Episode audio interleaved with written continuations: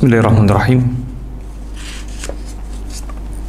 السلام عليكم ورحمة الله وبركاته الحمد لله رب العالمين حمدا طيبا مباركا فيه كما يحب ربنا ويرضى والصلاة والسلام على سيد المرسلين سيد الأولين والآخرين خاتم النبيين نبينا محمد وعلى آله وصحبه أجمعين ومن استنى بسنته واتبع هداه إلى يوم الدين أما بعد آه إخواتي أخواتي مسلمين مسلمات Rahimakumullah Alhamdulillah pada kesempatan malam hari ini Malam Selasa atau Senin malam Kita bisa berjumpa kembali di edisi kedua kajian Lintas Masyrik dan Maghrib Yang insya Allah dalam kajian-kajian kita dengan tema ini Insya Allah di waktu yang sama di Senin malam Kita akan membahas hal-hal uh, yang menonjol, yang unik, yang perlu kita dalami, kita gali ibrahnya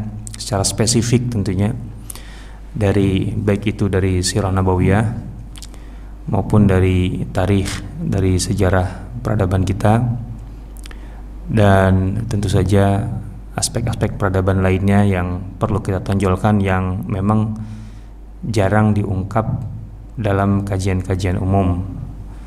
Karena tentu kajian-kajian umum masih membahas masalah-masalah besar alur uh, dari sejarah besar kita sejarah kita yang sangat besar itu sehingga masalah-masalah yang detail kadang-kadang atau sering sekali terlewati padahal banyak hal yang menarik. Salawat dan salam kita sanjungkan kepada junjungan kita semua, teladan kita, atau uswatun hasanah kita semua kekasih kita kekasih Allah Subhanahu wa taala yaitu baginda Nabi Muhammad sallallahu alaihi wasallam Semoga salawat selalu terlimpah kepada beliau, kepada keluarga beliau, sahabat-sahabat beliau dan seluruh pengikut beliau. Ya, ikhwah akhwat musliman, muslimin muslimat rahimakumullah. Kita masih dalam suasana yang berat, yang sulit tentunya di masa uh, wabah COVID-19 ini. Mudah-mudahan Allah segera mengangkatnya dari kita semua. Semoga kita semua keluar dari wabah ini aminin nasalimin ghanimin. Kita semuanya bisa kembali beraktivitas dalam kesehatan, keselamatan dan dijaga baik jiwa kita uh, iman kita maupun harta benda kita, keluarga kita. Ala hal semua ini adalah tentu bagian dari ujian bagi kita semua sebagai orang-orang beriman agar kita kemudian bisa lebih baik lagi tentunya karena setiap ujian yang diberikan Allah kepada orang beriman pada dasarnya adalah untuk meningkatkan derajatnya liyabluwakum ayyukum ahsanu amala. Uh, muslimin muslimat rahimakumullah pada kajian malam ini kita mengangkat tema sebenarnya tema besar bukan tema yang spesifik kecil gitu ya. Cuman tetap meskipun besar ini tema yang jarang diangkat. Karena alasan itulah kenapa kita angkat pada malam hari ini yaitu untuk memperkenalkan uh, sejarah kaum muslimin di Sisilia. Uh, Sisilia tentu nama yang sangat terkenal. Kalau kita buka di Google Sisilia uh, banyak sih yang muncul dari dari apa namanya yang dimunculkan Google gitu ya. Uh, di antaranya mafianya, gitu. kemudian keindahan tempatnya dan seterusnya. Tapi Barangkali banyak yang tidak tahu bahwa pulau ini, Sisilia ini hampir tiga abad lamanya itu adalah pulau islami sebenarnya. 300 tahun itu memang kalau diukur uh, dengan umur peradaban ya pendek gitu ya. Uh, umur peradaban Islam saja sampai sejauh ini sudah 1400 tahun jadi 300 tahun itu pendek. Sebenarnya pen, terasa pendek karena sudah lewat aja. Ketika kita uh, sedang menjalani satu masa kan 300 tahun itu lama ya gitu. kita melewati atau melalui masa seperti ini aja kayak terasa lama sekali gitu ya lima tahun aja lama gitu ya apalagi kalau sampai 100 tahun itu nggak kebayang ya ya kuliah kalau mudahnya Indonesia baru merdeka 74 tahun jadi mesti sangat-sangat pendek berarti sebenarnya. Sementara Islam di Sisilia hampir 3 abad 300 tahun. Itu waktu yang cukup panjang. Atau taruhlah mungkin kalau kita ambil sekarang Amerika dari merdekanya Amerika tahun 1776 kalau tidak salah. Ya sampai sekarang berarti mereka juga belum belum sampai 300 tahun baru 250 tahun kurang sebenarnya. Jadi umur Amerika juga belum tua artinya dibanding Sisilia masih artinya Sisilia Islam masih lebih lama uh, Islam di Sisilia ketimbang usia Amerika gitu ya. Maka kalau sekarang kita merasakan Amerika begitu powerful, uh, dominan luar biasa, barangkali perasaan itu uh, atau perasaan yang sama itu dirasakan oleh orang-orang Eropa ya ketika kaum muslimin berada di dekat mereka. Tuh, ya kita bicarakan Sisilia karena memang kaum muslimin sebenarnya menghuni banyak pulau yang dekat dengan Eropa gitu, artinya bukan hanya Sisilia. Ya mulai dari Siprus sampai ke Baliares gitu ya. Nah, uh, tapi kita fokuskan ke Sisilia dulu. Barangkali Baliares nantilah gitu ya kalau kita bicara tentang Andalus. Uh, orang-orang Eropa selama kaum muslimin berada di Sisilia barangkali perasaannya ya kayak kita sekarang gitu merasakan betapa superiornya Amerika dalam segala bidang intinya Nah, uh, dan tentu saja kita merasa dominasi ini begitu mencengkram kuat sekali, gitu. Seakan-akan tidak terbayang kalau suatu ketika atau kapan-kapan Amerika runtuh atau jatuh, kita nggak tahu, gitu ya. Uh, tapi hal itu eh, sangat-sangat bisa gitu ya kita simpulkan itu sebagai sebagai perasaan yang menghantui ataupun yang dirasakan oleh orang-orang Eropa terutama Italia di saat Sisilia itu berada di tangan kaum muslimin karena tidak terbayang kita akan lihat bahkan setelah kaum muslimin kalah pun di Sisilia umat Islam masih sangat-sangat diperhitungkan. Memang tidak sebagai kekuatan politik atau institusi negara tapi sebagai sebuah peradaban. Ini yang menariknya di situ. Baik. Lihat kita mulai dulu dari Sisilia. Apa yang terkait dengan Islam Sisilia ini? Sebenarnya kalau kita bicara tentang uh, persinggungan antara kaum muslimin dengan Eropa. Tentu itu berjalan sejak dini sejak zaman Rasulullah SAW karena di masa Rasulullah SAW Rasulullah sudah berhadapan-hadapan secara langsung bersinggungan secara langsung dengan Romawi atau Bizantium yang pusatnya di Konstantinopel. Pengaruh Bizantium itu begitu sangat luas dan terutama di Eh, kawasan yang mengita mengitari Mediterania. Ada satu hal yang harus kita pahami dengan baik.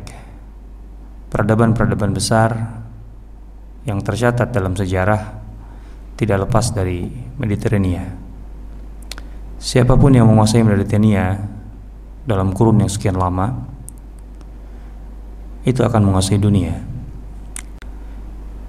Kita lihat itu pengaruhnya begitu besar. Sebelum bersama dengan Islam, persinggungan itu, Eropa berhadapan-hadapan dengan Persia, tepatnya Bizantium dalam hal ini. Betul, ketika Bizantium berkuasa, bukan berarti Bizantium itu bisa bisa dikatakan uh, menyatukan semua Eropa. Justru tidak. Eropa sendiri pecah tetapi representasi dari kekuatan Eropa adalah Bizantium ketika berhadapan dengan Timur. Artinya Barat waktu itu adalah Bizantium. Dan Timur adalah Persia pada saat itu. Nah, pertarungan Persia dengan Bizantium itu selalu ke dekat kawasan ini. Artinya semuanya mendekat ke arah uh, Mediterania. Pertarungan antara Bizantium dan Persia lama di sekitar Kaukasus Armenia, Georgia. Tapi tentu saja dari kasus itu kita tahu itu akan mendekat ke Laut Hitam dan kemudian akan mendekat nah, tentu ke Asia Kecil dan kemudian itu ke Eropa dan di situ ada Mediterania. Kemudian mereka juga berhadapan-hadapan dengan atau Persia berhadapan dengan Romawi sampai di Syam. Dan tentu Syam itu adalah titik temu kepentingan dunia dari dulu secara geografis dari dulu.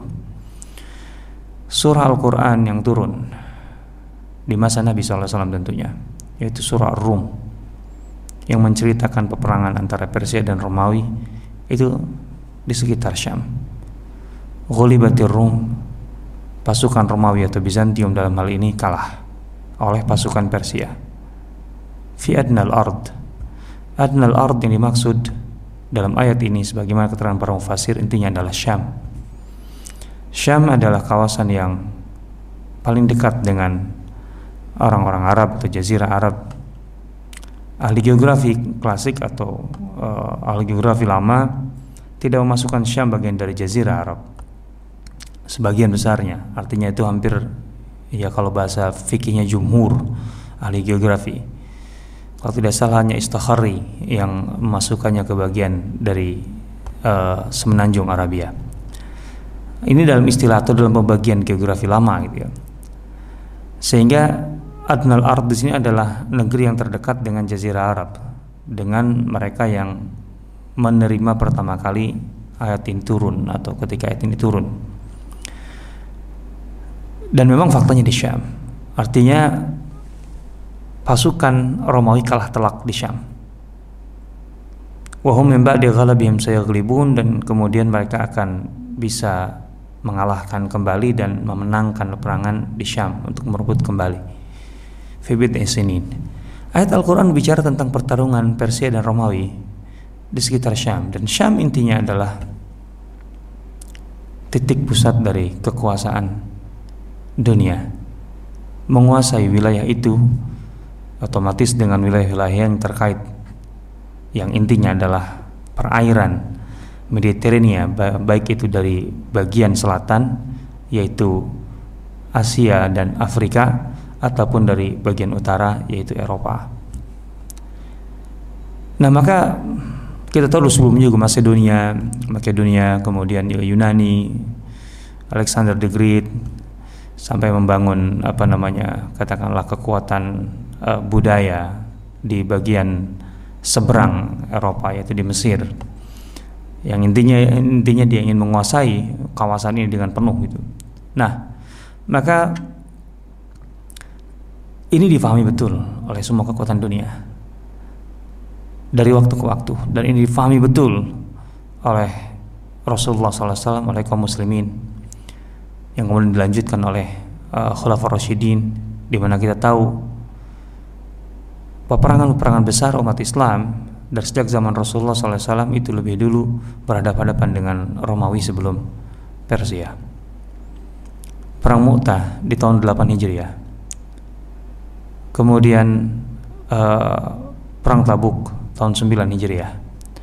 Dan bahkan menjelang Rasulullah SAW wafat itu yang ketiga yang besar tentunya Rasulullah mengangkat Zaid uh, Usama bin Zaid untuk memimpin pasukan ke Romawi.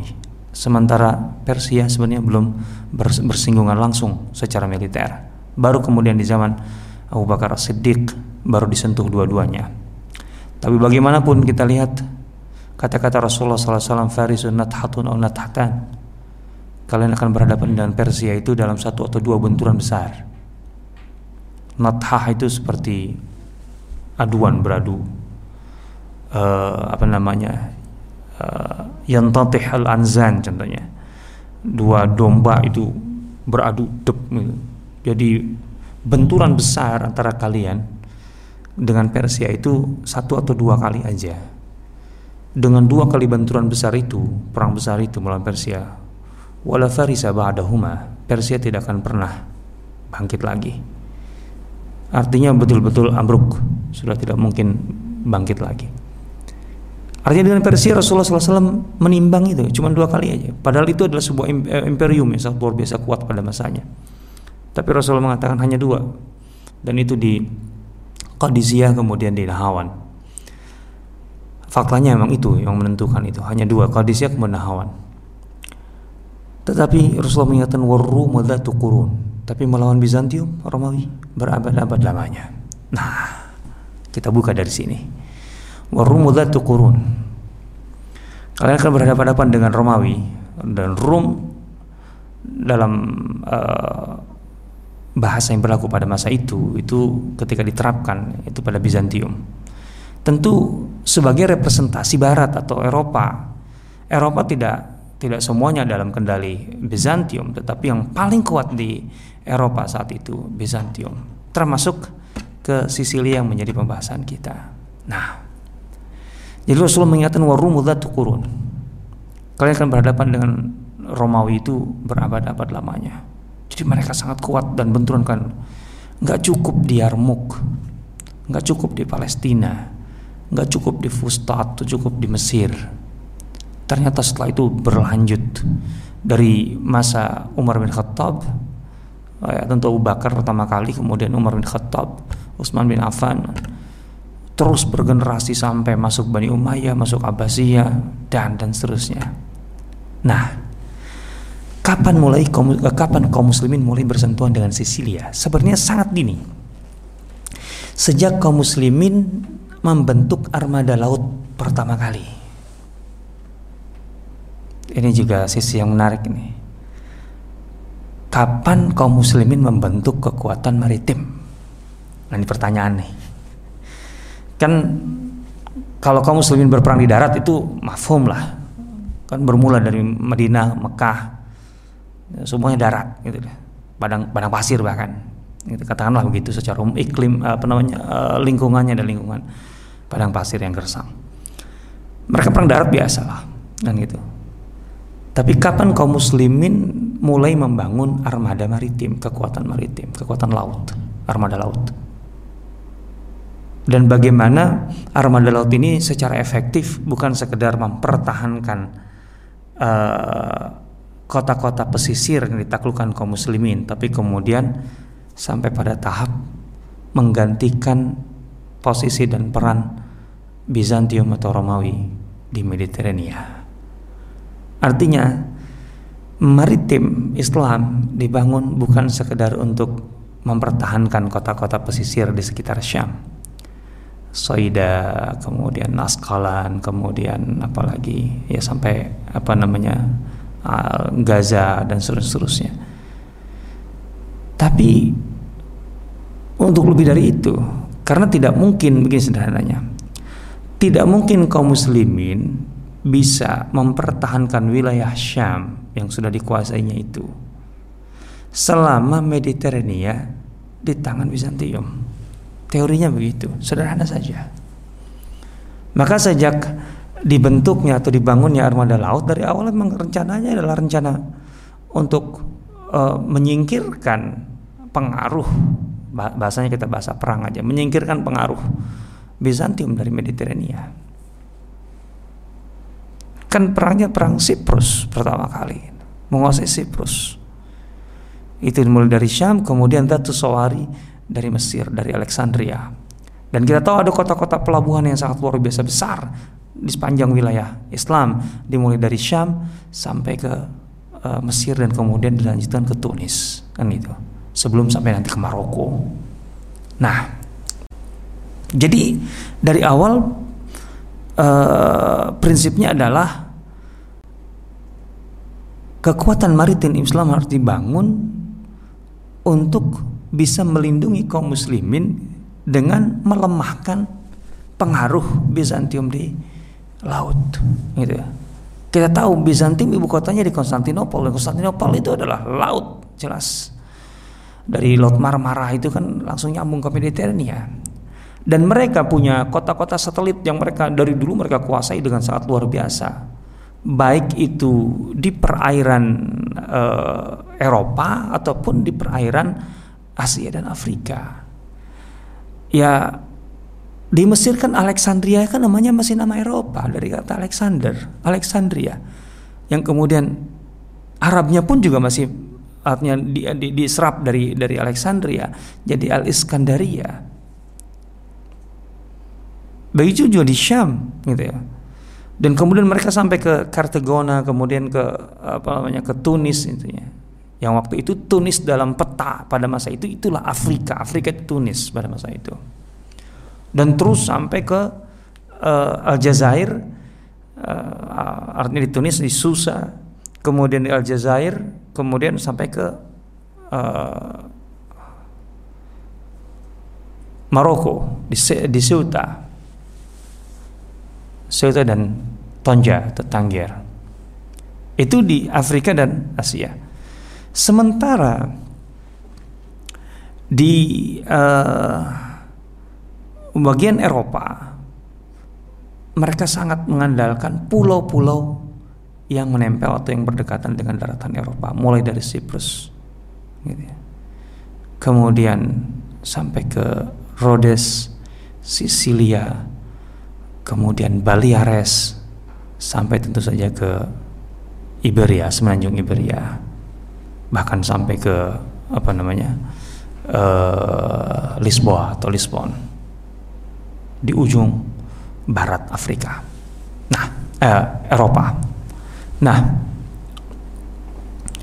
artinya dengan menguasai ini dan bisa dikatakan hampir sepanjang wilayah itu Bizantium menguasai Bizantium nggak sih? Oh Venesia satu saya lupa. Venesia dalam peta Arab Bandakia itu adalah kawasan penting. Ya. Nah, artinya Bizantium sudah kalah di Syam, kalah di Mesir, kalah di Tunis. Maka kekuatan mereka tinggal di Laut Mediterania. Nah, kaum muslimin faham betul itu sejak zaman Utsman bin Affan. gubernur Syam waktu itu Muawiyah yang diangkat oleh Umar bin Khattab sejak Umar bin Khattab hidup itu sudah membentuk pasukan atau armada laut, membangun armada laut. Tahun 36 itu sudah jadi menjadi sebuah kekuatan luar biasa. Siprus bisa ditaklukkan. Apa enggak bergetar itu? Artinya kan uh, maksudnya Romawi itu Eropa Artinya kan jalur laut dari Syam Siprus itu kapal-kapal kaum muslimin yang menguasai. Berat mereka. Nah, tentu bukan hanya Siprus, kemudian Rhodes. Kemudian melebar terus gitu ya, melebar terus. Yang membuat Eropa semakin berat tentu tahun eh, uh, 92 atau tahun 700 11 atau 12 Masehi kaum muslimin sudah menutup uh, atau memutus ujung uh, Mediterania yaitu Selat Gibraltar sepenuhnya dalam kendali kaum muslimin berarti kan uh, ruang gerak maritim Bizantium dan Eropa sudah sangat-sangat terbatas Siprus kemudian Rhodes, kemudian di ujung barat sana Gibraltar dan Baleares sudah di tangan kaum muslimin. Berarti tinggal beberapa pulau penting yang ada di dalam yang mereka kuasai. Atau sepenuhnya di tangan Eropa yaitu Venesia dan Sisilia. Muawiyah faham betul peta kekuatan ini. Maka tahun 36 itu pula sebenarnya Muawiyah itu sudah mengirim pasukan armada laut melalui uh, laksamananya yaitu Muawiyah juga Muawiyah bin Khudaij al-Kindi. Kemudian disusul oleh Abdullah bin Qais al-Fazari. Ini orang-orang yang berasal dari gurun ya, artinya dari daratan kemudian mereka jadi laksana laut. Setelah kaum muslimin menaklukkan Syam, mereka mempelajari laut, bahkan membangun armada laut dan itu dengan dengan sangat cepat tentunya. Kita tahu Syam itu dikuasai kaum muslimin sekitar tahun 15, 14, 15 Hijriah. Tahun 36 artinya baru 20 tahun kaum muslimin sudah membangun armada laut yang kemudian sudah berhasil mengalahkan uh, pasukan Romawi di laut. Dimulai dari apa namanya perang Cyprus sampai kemudian perang Dhatus dari, dari Mesir Abdullah bin Abi Sarah. Jadi Muawiyah itu sudah ngirim orang. Sebagai gubernur mengirim orang atau ngirim pasukan 200 kapal totalnya besarnya armada itu. Itu menyerang Sisilia. Cuman ini serangan yang sifatnya ya serangan sesekali gitu ya untuk menyerang kemudian balik lagi gitu ya. artinya tidak tidak menguasai gitu ya. Hanya menyerang menang dalam peperangan itu. Cuman untuk menguasai pulau itu tidak mudah itu membutuhkan waktu panjang gitu ya. nah sampai kemudian uh, disebutkan bahwa ghanimahnya cukup besar waktu itu uh, di antaranya ada yang disebutkan oleh uh, sejarawan Syokya Bukhalil itu ada patung-patung dari emas yang kemudian oleh Muawiyah dijual ke India. India kan orang-orang Hindu pemuja ya aslinya pemuja patung juga katakanlah begitu. Uh, laku di sana ya sudah itu jadi kan ghanimahnya kaum muslimin. Ya kaum muslimin buat apa? Patung emas kan. Artinya nggak disimpan oleh kaum muslimin dijual itu keterangan. Itu menarik. Harganya bisa mahal sekali. Nah ala kulihal artinya sejak tahun 36 sudah Sisilia itu sudah disentuh kaum muslimin. Cuman belum dikuasai gitu ya. Yang jelas kenapa Sisilia dibidik dari awal? Karena bisa dikatakan jantung kekuatan uh, armada laut Eropa itu adalah Sisilia Artinya Sisilia adalah pulau terpenting bagi Eropa pada masa itu, terutama bagi Bizantium. Sehingga sangat-sangat dijaga. Ya, kalau apa namanya uh, Sisilia itu dikuasai, maka sulit bagi Eropa untuk bertahan pada dasarnya begitu. Nah, dan itu difahami betul. Makanya Bizantium menjaga betul uh, Sisilia itu. Dan ini menarik, Bizantium itu ortodoks. Sementara Sisilia itu dekat Roma artinya dekat Itali. Di situ Katolik. Kepentingan politik sangat menonjol di sini. Mereka menafikan uh, perbedaan yang sangat mencolok gitu antara Ortodoks dan Katolik. Ketika secara geografis atau strategi Sisilia sangat menentukan Eropa secara keseluruhan gitu. Bukan sekedar Bizantium ataupun sekedar Italia atau Roma gitu ya. Nah, jadi yang menjaga uh, Sisilia itu Bizantium. Karena tentu uh, Bizantium akan sangat terancam kalau Sisilia sampai pada tahap dikuasai oleh kaum muslimin. Berarti kaum muslimin kan sudah menguasai penuh itu apa namanya? Uh, perairan Mediterania. Venesia waktu itu belum terlalu berpengaruh gitu ya, belum terlalu berpengaruh. Tidak sekuat nanti gitu ya, setelah itu gitu ya. Nah, masih Sisilia yang paling berpengaruh. Nah, uh, berkali-kali kaum muslimin mencoba untuk masuk ke Sisilia, mulai dari zaman Muawiyah uh, ketika dia menjadi gubernur, artinya masih zaman Utsman bin Affan sebagai khalifah, kemudian di masa Bani Umayyah tentunya. Ada uh, cucu Uqbah bin Nafi juga pernah mencoba, artinya mencoba di sini bertempur bertempur dan menang kemudian tapi balik lagi untuk menguasai nggak mudah kan gitu. Sisilia begitu begitu uh, strategis begitu penting. Artinya ini ini ini berjalan berkali-kali upaya kaum muslimin sepanjang lebih dari 150 uh, tahun untuk menyentuh Sisilia nah tapi Sisilia baru benar-benar dikuasai kaum muslimin di masa Abbasiyah Daulah Abbasiyah Bagaimana itu? Di masa Harun ar-Rasyid tepatnya sebenarnya. Mulainya dari masa Harun ar-Rasyid.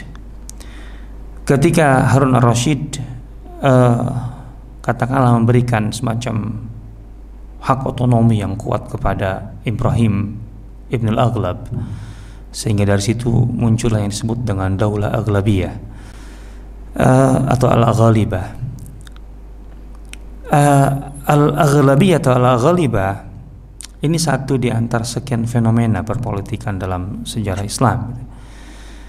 Mereka menguasai Zaire dan Tunis. Gitu. Sementara di masa yang sama di sebelahnya Maroko ada Al Adarisa yang sepenuhnya independen, tidak berafiliasi ke Baghdad atau ke uh, Abbasiyah dan tidak pula ke Bani Umayyah yang ada di Andalus. Ini catatan penting bagi kita semua.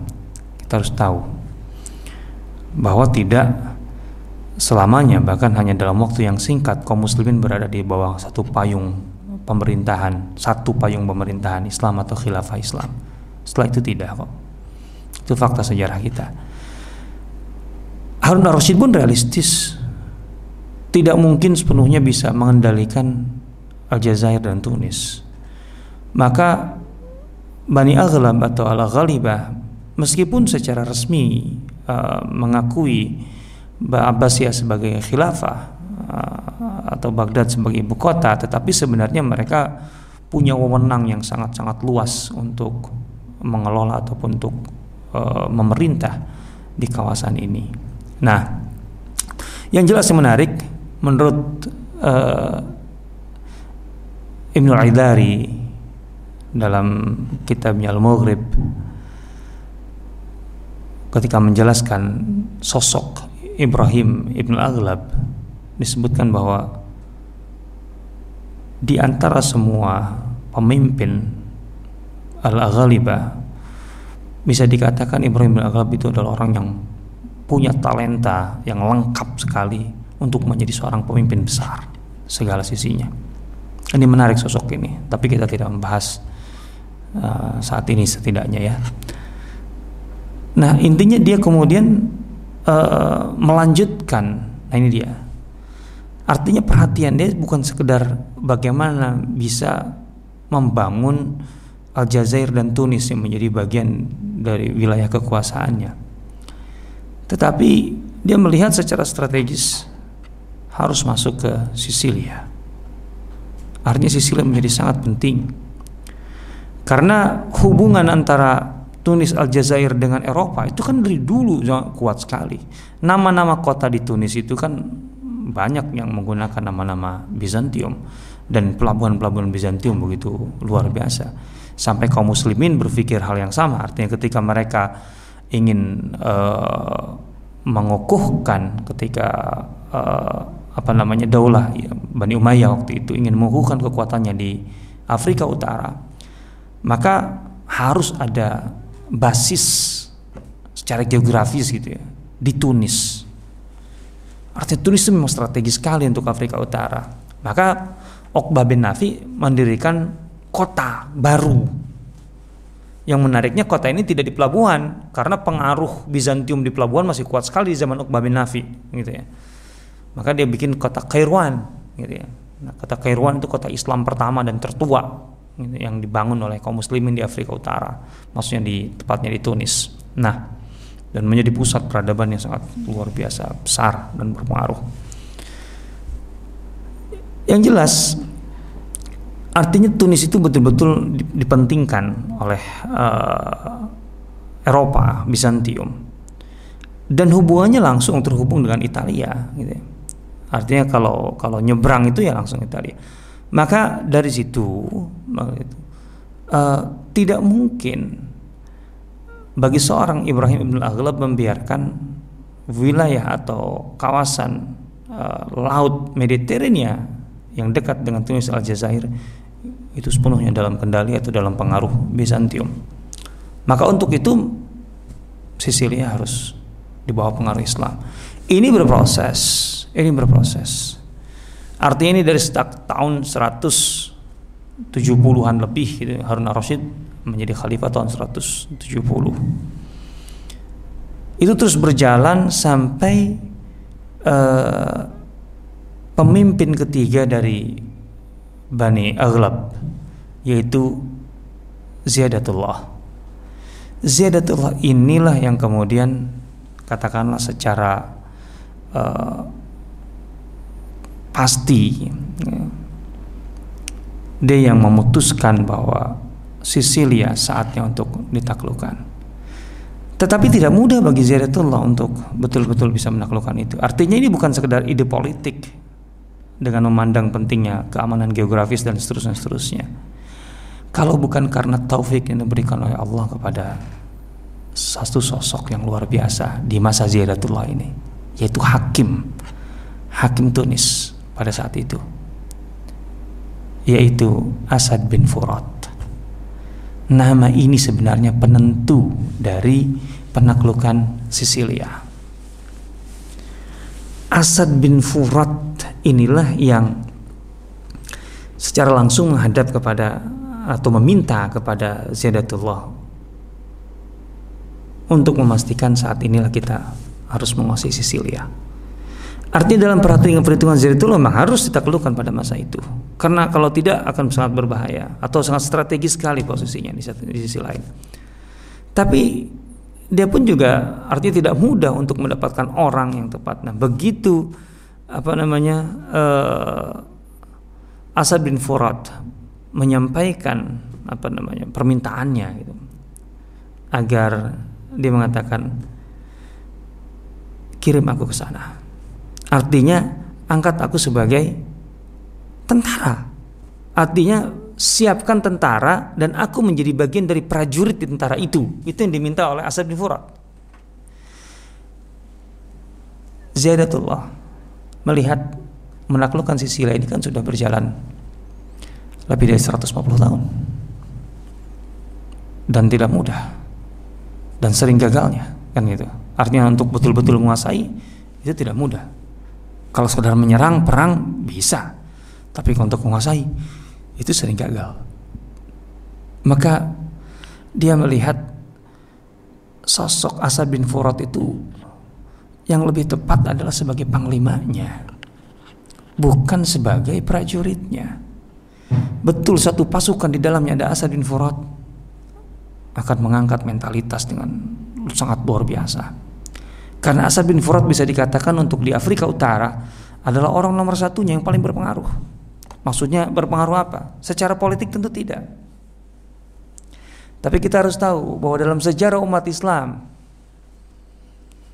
masyarakat itu tidak hanya tunduk kepada kekuatan politik. Kekuatan politik adalah satu kekuatan. Oke, kita akui tentu itu pasti. Tapi bahwa masyarakat itu kemudian nurut, patuh dan tunduk itu tidak semata-mata kepada kekuatan politik, tapi kepada sultan al-ilm, sultan al-ilm. Kepada otoritas ilmu. Itu budaya dan tradisi. Dan itu salah satu keistimewaan peradaban Islam. Saya dapatkan ini di mana-mana dalam sejarah kita. Ya. Dan di sini makanya hubungan antara penguasa dengan kaum intelektual atau dengan ulama itu bukan sekedar hubungan artinya memanfaatkan gitu, kapasitas keilmuannya untuk menyelesaikan permasalahan. Itu aja udah luar biasa. Artinya ulama dan ilmuwan itu didengar gitu oleh para penguasa. Lebih dari itu bahkan dalam banyak kesempatan dalam banyak penggalan sejarah kita lebih dari itu. Bahkan para penguasa itu sangat membutuhkan pengaruh para ulama gitu. Untuk menambah kekuasaan mereka kan gitu. Artinya uh, ziyadatullah itu tidak mendapatkan orang yang cocok di antara semua kekuatan militernya untuk menaklukkan Sisilia. Karena ini bukan sekedar kekuatan militer, tapi kekuatan ruh dan kekuatan ruh ada di orang seperti Asad bin Furat. Ini yang salahnya. Ini baru kita jadi merasa penting untuk mengetahui siapa Asad bin Furat. Dan dalam sejarah kita, orang seperti Asad bin Furat banyak. Sayang jarang terangkat. Sayang jarang terangkat. Nah, tentu tidak semuanya dalam posisi atau secara struktur Asad bin Furat kan Asad bin Furat kemudian diangkat menjadi panglima langsung. Asad bin Furat sendiri kemudian menolak awalnya. Dia bilang, bagaimana kau mengangkatku sebagai panglima perang ini? Kan itu. Bukan apa-apa, bukan masalah kemampuan tempur, Asad bin Furat punya kemampuan tempur. Tapi keilmuannya lebih menonjol daripada kemiliterannya tentunya. Artinya kemampuan, uh, kapasitas ilmiahnya itu jauh-jauh lebih besar dan lebih dibutuhkan ketimbang kemampuan militernya. Bukan berarti tidak ngerti militer. Dia seorang prajurit memang. Asad bin Furat mengatakan begini. Bagaimana aku lepas dari jabatannya sebagai qadhi, sebagai hakim. Bagaimana hukum-hukum Allah nanti? Artinya masyarakat akan kehilangan rujukan untuk berfatwa karena aku akan sibuk menjadi panglima. Artinya Asad bin Furat berpikir dengan diangkat menjadi panglima berarti otomatis dia dicopot dari hakim dan qadhi. Aku lebih ingin, lebih, ingin di sini. Artinya gini, kirim aku sebagai prajurit aja menemani pasukan yang masuk ke Sisilia. Gitu. Oh, itu lo nggak bisa, bukan bukan itu yang kuinginkan. Engkau yang memimpinnya. Karena aspek ruh, aspek semangat, aspek spiritual itu begitu penting bagi Zaidatullah untuk kemudian bisa katakanlah dia memastikan peperangan akan dimenangkan. Kata Zaidatullah, aku tidak aku tidak mencopotmu sebagai kaldi, sebagai hakim. Enggak, tetap engkau adalah kaldi amir. Artinya hakim sekaligus sebagai panglima. Nah, karena memang uh, masalah ini masalah yang dari sejak awal disadari oleh Asad bin Furat dan karena kesadaran itu pula dia yang meminta untuk dibentuk pasukan dan dia ingin menjadi bagian dari itu. Asad bin Furat kenapa ingin berada dalam pasukan ini? Karena dia membaca pengalaman-pengalaman sebelumnya. Pasukan kaum muslimin bagaimanapun ya dalam sejarahnya aspek rohiyahnya, aspek spiritualnya relatif kuat. Tapi tidak cukup kuat untuk urusan sebesar menaklukkan Sisilia. Harus lebih kuat lagi. Maka sepanjang peperangan itu uh, aspek spiritual harus sangat menonjol. Selain aspek taktik perang dan lain sebagainya strategi perang dan sebagainya. Maka Aset Firdaus ingin berada di situ gitu ya. Nah ini dia yang dicatat oleh para sejarawan gitu ya. Maka uh, Asad bin Furat itu tidak punya motivasi untuk kata sebagai seorang panglima yang kemudian punya kredit poin karena sukses atau berjasa memenangkan peperangan kemudian dia naik pangkat. Enggak dia hakim tertinggi di Bani Aghlab dia sudah tinggi. Lagi pula usia Asad bin Furat saat itu sudah 70 tahun. Penaklukan atau penyerangan ke Sisilia itu terjadi pada tahun 212 Hijriah 212 Asad bin Furat lahir tahun 142 berarti sudah 70 tahun usianya artinya dia dia tidak punya motif-motif yang sifatnya duniawi lah ngapain juga dia 70 tahun lagi pula dia sudah jadi hakim tertinggi gitu hakim agung jadi betul-betul semata-mata umat Islam harus kokoh dan kuat dan sisi lain. Nah, itu satu. Di sisi lain, kenapa itu menjadi momentum yang sangat penting? Karena di sisi sih terjadi perpecahan yang sangat luar biasa antara Bizantium dengan penguasa lokal Sisilia, gitu ya. Disebutkan dalam sejarah kita disebut uh, itu kemungkinan gelarnya Vimi, gitu ya. Vimi eh, dalam bahasa uh, Italia kalau nggak salah Evemius, gitu. Nah, dia ini kemudian bentrok dengan Bizantium dan kemudian harusnya dihukum mati maka dia kemudian melarikan diri ke mana ke Tunis ke Jazair dia minta suaka dari Bani Aghlab nah dari situlah kemudian dibentuk pasukan Asad bin Furat itu nah jadi terjadi kekacauan sebenarnya di dalam uh, atau di Sisilia itu sendiri gitu kacauan sosial, politik, ya, dan seterusnya, seterusnya.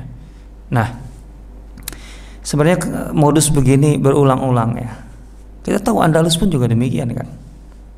Artinya Julian menda, katakanlah mengirim surat meminta bantuan kepada uh, pemimpin kaum muslimin di Kairuan waktu itu, Musa bin Nusair. Atas perselisihan dia dengan Rodrigo.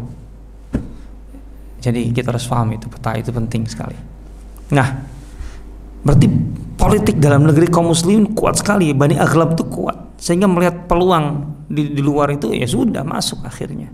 Artinya diundang kan diundang otomatis dalam hal ini oleh penguasa lokal yang uh, bentrok dengan Bizantium. Nah, akhirnya masuk Asad bin Furat. Sebelum lebih jauh, siapa Asad bin Furat? Ini mungkin kita perlu membahas secara khusus, tapi singkatnya begini. Asad bin Furat adalah sosok unik yang bisa dikatakan menjadi inisiator uh, tradisi fikih perbandingan dalam sejarah pemikiran atau intelektual terutama dalam bidang fikih intelektual Islam. Dia ini adalah murid Imam Malik bukan termasuk murid yang sangat menonjol. Dari sejak tahun 170-an Asad bin Furat berguru pada Imam Malik dan beberapa tahun kemudian Asad bin Furat uh, belajar ke Irak ke madrasah kedua. Madrasah fikih Hanafi kepada murid Imam Abu Hanifah Muhammad bin Hasan Asy-Syaibani. Ya ada beberapa riwayat mengatakan bahwa Asad bin Furat punya pendekatan yang kurang disukai Imam Malik uh, ya kurang lebih lah gambarnya seperti itu. Karena kita tahu Imam Malik madrasahnya secara umum madrasah Madinah madrasah al hadis.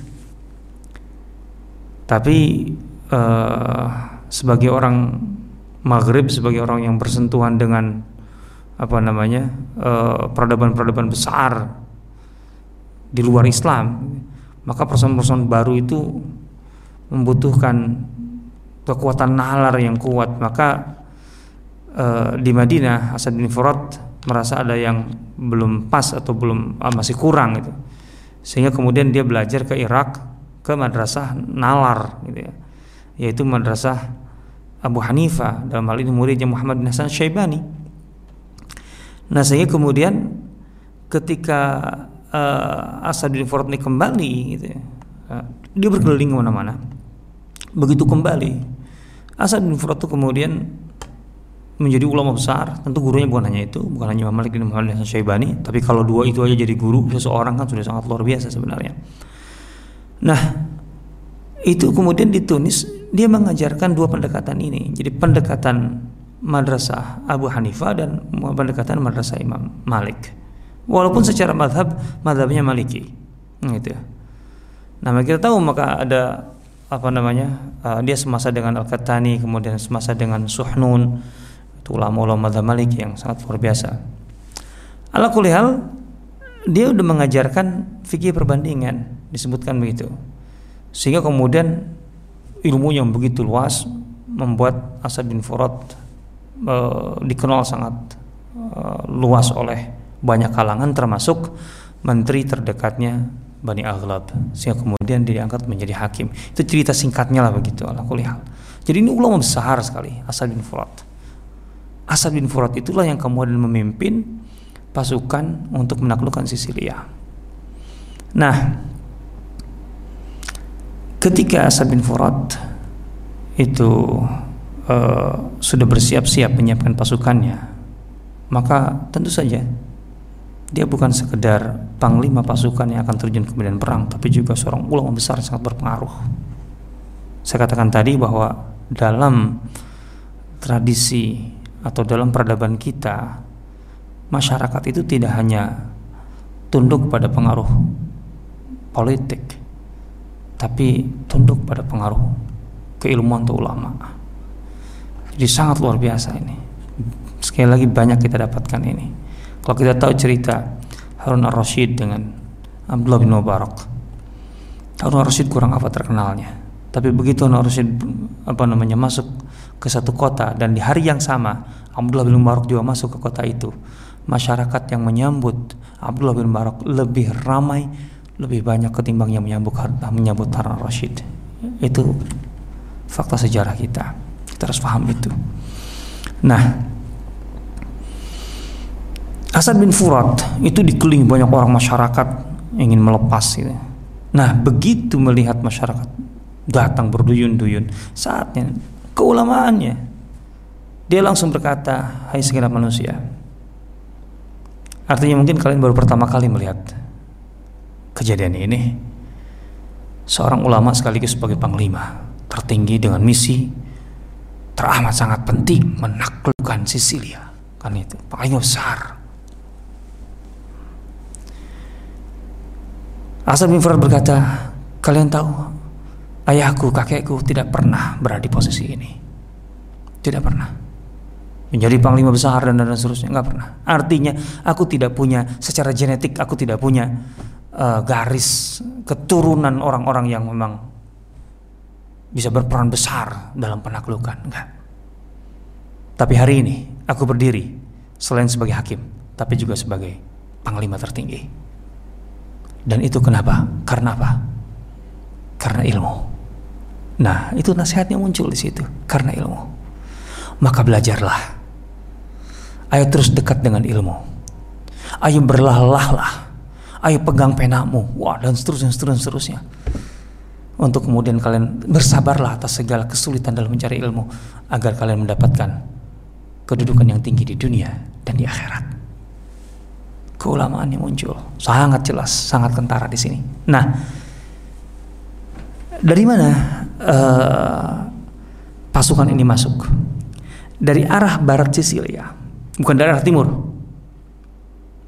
Kenapa? Tentu karena itu lebih dekat di satu sisi, tapi sisi lain itu maksudnya dengan, lebih mudah dijangkau oleh uh, pasukan kaum muslimin dari perairan Afrika. Tapi di sisi lain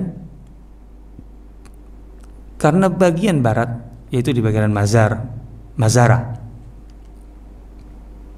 Perlu diketahui masih ada beberapa nama kota di Sisilia itu adalah yang uh, apa namanya dinamai oleh kaum muslimin. Walaupun banyak yang sudah berubah, artinya kalau kita baca peta Ibnu Hawqal, peta Al-Idrisi dalam kitab ini, Nusatul Mushtaq fi Al-Afaq, buku ini disebutkan sebagian yang ditulis di Palermo, di Sisilia oleh Syarif Al-Idrisi ahli geografi kenamaan yang sangat luar biasa. Uh,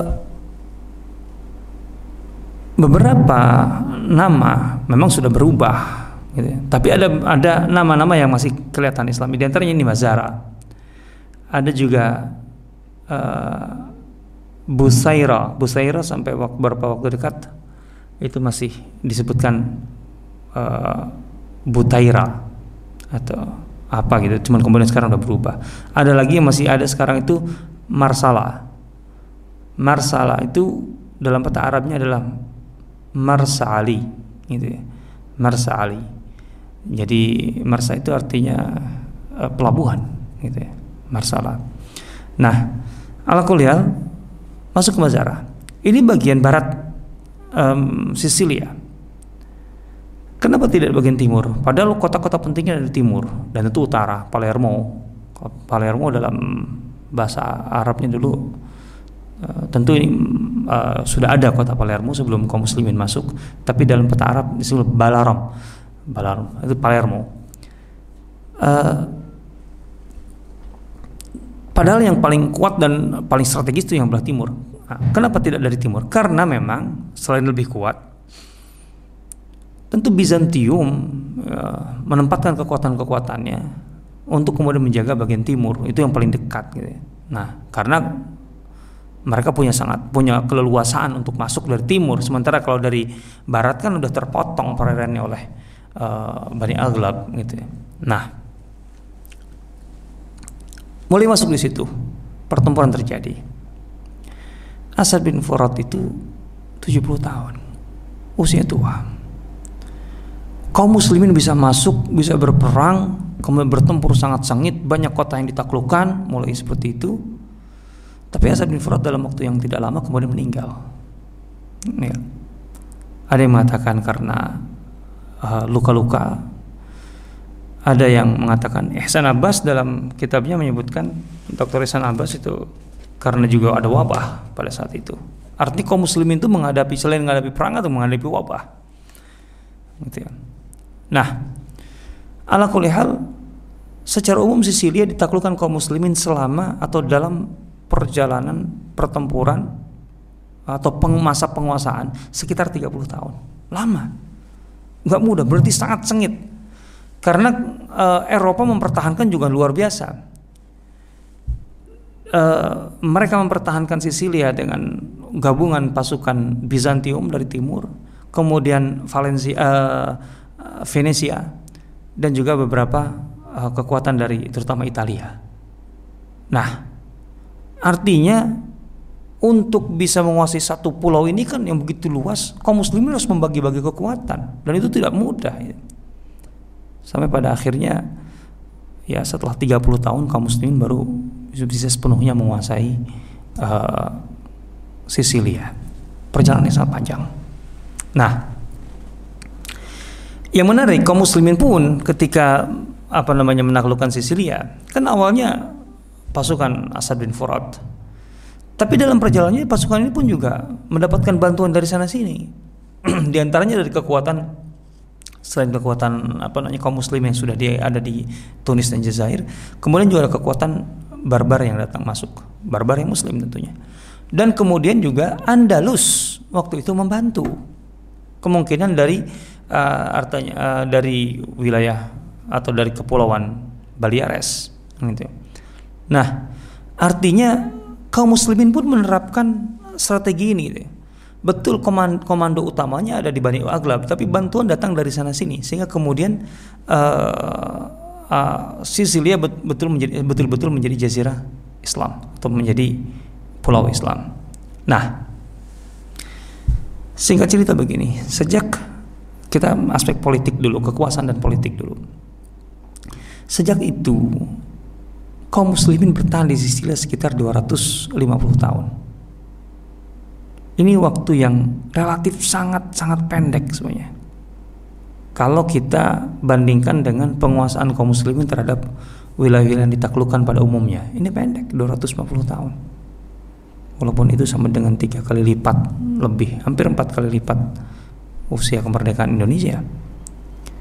Nah, uh, selama 200 tahunan ini kaum muslimin secara politik itu sulit untuk betul-betul stabil sebenarnya. Artinya ada masa-masa stabil beberapa puluh tahun, tapi kemudian goyah lagi, goyah lagi. Kenapa?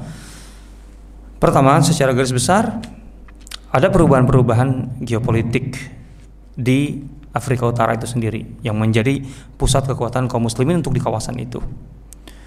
Yang pertama Bani Aghlab itu berkuasa sampai sekitar tahun uh, 300-an uh, Hijriah gitu ya.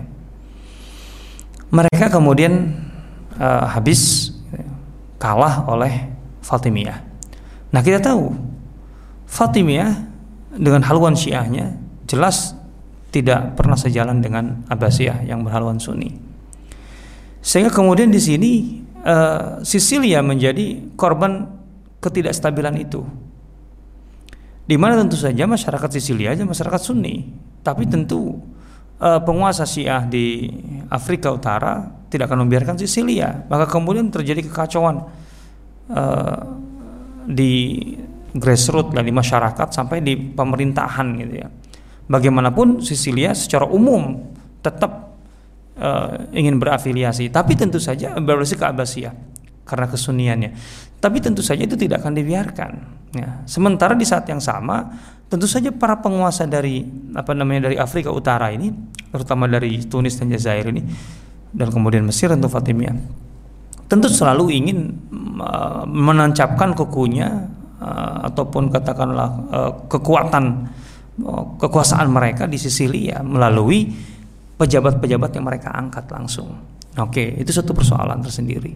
Sampai kemudian itu berlanjut sampai tahun 400-an 460 sampai 480 ketika kemudian orang-orang Norman uh, dari utara Eropa masuk dan kemudian menguasai Sisilia.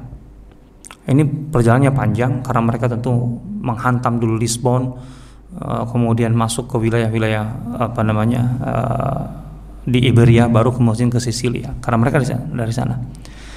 Nah, mereka berhasil di Sisilia tapi tidak berhasil di Iberia dan di Lisbon, di Portugal. Ala kulihal, tahun 400 itu memang mulai mulai melemahnya eh, Islam di Andalus secara umum gitu. Dan Sisilia hilang, kalah. Tahun 400-an itu kan mulai Portugal kan mulai uh, kembali dikuasai oleh orang-orang uh, Katolik gitu. Nah, dampak artinya apa? Andalus tidak cukup kuat untuk kemudian bisa ikut membantu Sisilia untuk bertahan kan karena Andalus sendiri punya masalah di situ. Itu masa Taif. Ini terlalu banyak nama ya, karena banyak keterkaitan sebenarnya. Insya Allah, insya Allah kita akan bikin kelas webinar, kelas webinar semacam pengantar sejarah daulah-daulah Islam deh. Tapi pengantar aja. Bani Umayyah pengantar aja, Abbasiyah pengantar aja, Andalus pengantar aja, Afrika Utara pengantar aja. Pokoknya pengantar-pengantar. Biar punya gambaran umum dulu deh. Karena kalau enggak itu memasukkan ke filenya agak susah ini. Nah, ala kulihal Artinya ketika kaum muslimin di Andalus terutama di bagian perairan uh, baratnya di Lisbon dan sebagainya Portugal sudah mulai jatuh ya, tahun 400-an mulai jatuh. Tentu saja waktu itu Toledo juga udah jatuh gitu ya. Uh, kaum muslimin sudah itu Taif lah dia Andalus. Afrika Utara kacau di situ zaman itu. Syiah begitu merajalela dan lain sebagainya dan mereka kemudian tentu berhadapan-hadapan dengan kaum muslimin Sunni di bawah pengaruh Abbasiyah Abbasiyah pun nggak bisa ngapa-ngapain tentunya karena tidak karena itu wilayahnya uh, Afrika Utaranya. Akhirnya bisa dikatakan Sisilia menjadi yatim. Nah, selain selain ya faktor-faktor pribadi penguasa-penguasa Sisilia, ini secara politik kita bicara secara politik. Artinya tidak selalu mereka mewarisi tradisi rohiyah ataupun spiritualitas Asad bin Furat ketika menaklukkan Sisilia itu. Artinya ada yang kemudian uh, memerintah dengan tidak bagus karena kepentingan sendiri, membawa kepentingan sendiri dan dan dan, dan seterusnya lah, gitu ya. Ini yang membuat kemudian secara politik gejolak politik di Sisilia relatif gitu ya, tidak pernah berhenti. Ya. Artinya tidak ada masa stabil yang cukup panjang. Berapa gitu ya, 50 tahun, 100 tahun, nggak mudah itu. Kita kita tidak bisa mendapatkan ini di Sisilia. Sebagaimana kita dapatkan di tempat lain. Kita tahu Mesir. Mesir itu kan sekian ratus tahun bisa dikatakan relatif stabil. Jadi uh, luar biasa gitu pencapaian kaum musliminnya di sana. Di Andalus sekalipun di Andalus setidaknya kita kita dapatkan sampai tahun 400 itu masih masih stabil gitu tahun sampai tahun 400 awal 4 uh, artinya awal 400 lah.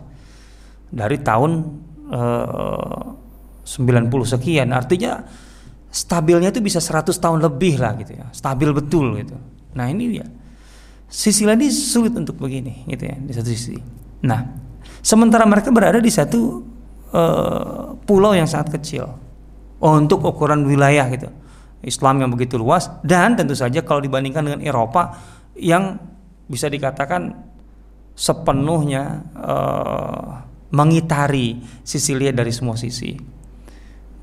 Nah, jadi secara politik tidak mudah bagi Sisilia. Cuman yang menarik, ini juga sisi lain dari peradaban kita, peradaban Islam.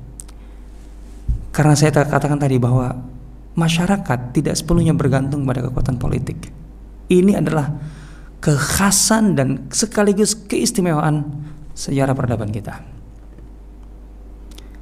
ketika tidak sepenuhnya atau tidak selalu bergantung pada kekuatan politik, maka masalah-masalah mendasar yang menjadi prinsip-prinsip dasar, nilai-nilai dasar, sistem nilai yang dimiliki umat itu itu kemudian diterapkan terlepas gitu ya dari seberapa buruk kondisi politik tentu ada pengaruh.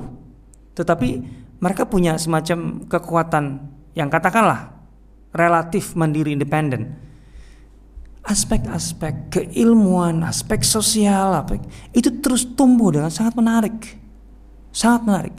Sehingga betul-betul dari dari sisi ini, dari sisi dari sisi apa keilmuan, perkembangan keilmuan, keilmuan Islam dan keilmuan sains dan sebagainya, sampai ke budaya, Sisilia itu Islami. Itu menariknya di situ. Menarik di situ. Jadi seakan-akan tidak berpengaruh ulama-ulama Sisilia banyak sekali. Ilmuwan-ilmuwan Sisilia banyak sekali. Kalau kita banding dengan bandingkan dengan uh, pulau yang begitu kecil, gitu lah. Dan dibanding wilayah Islam yang begitu luas, gitu ya. Sebagai contoh,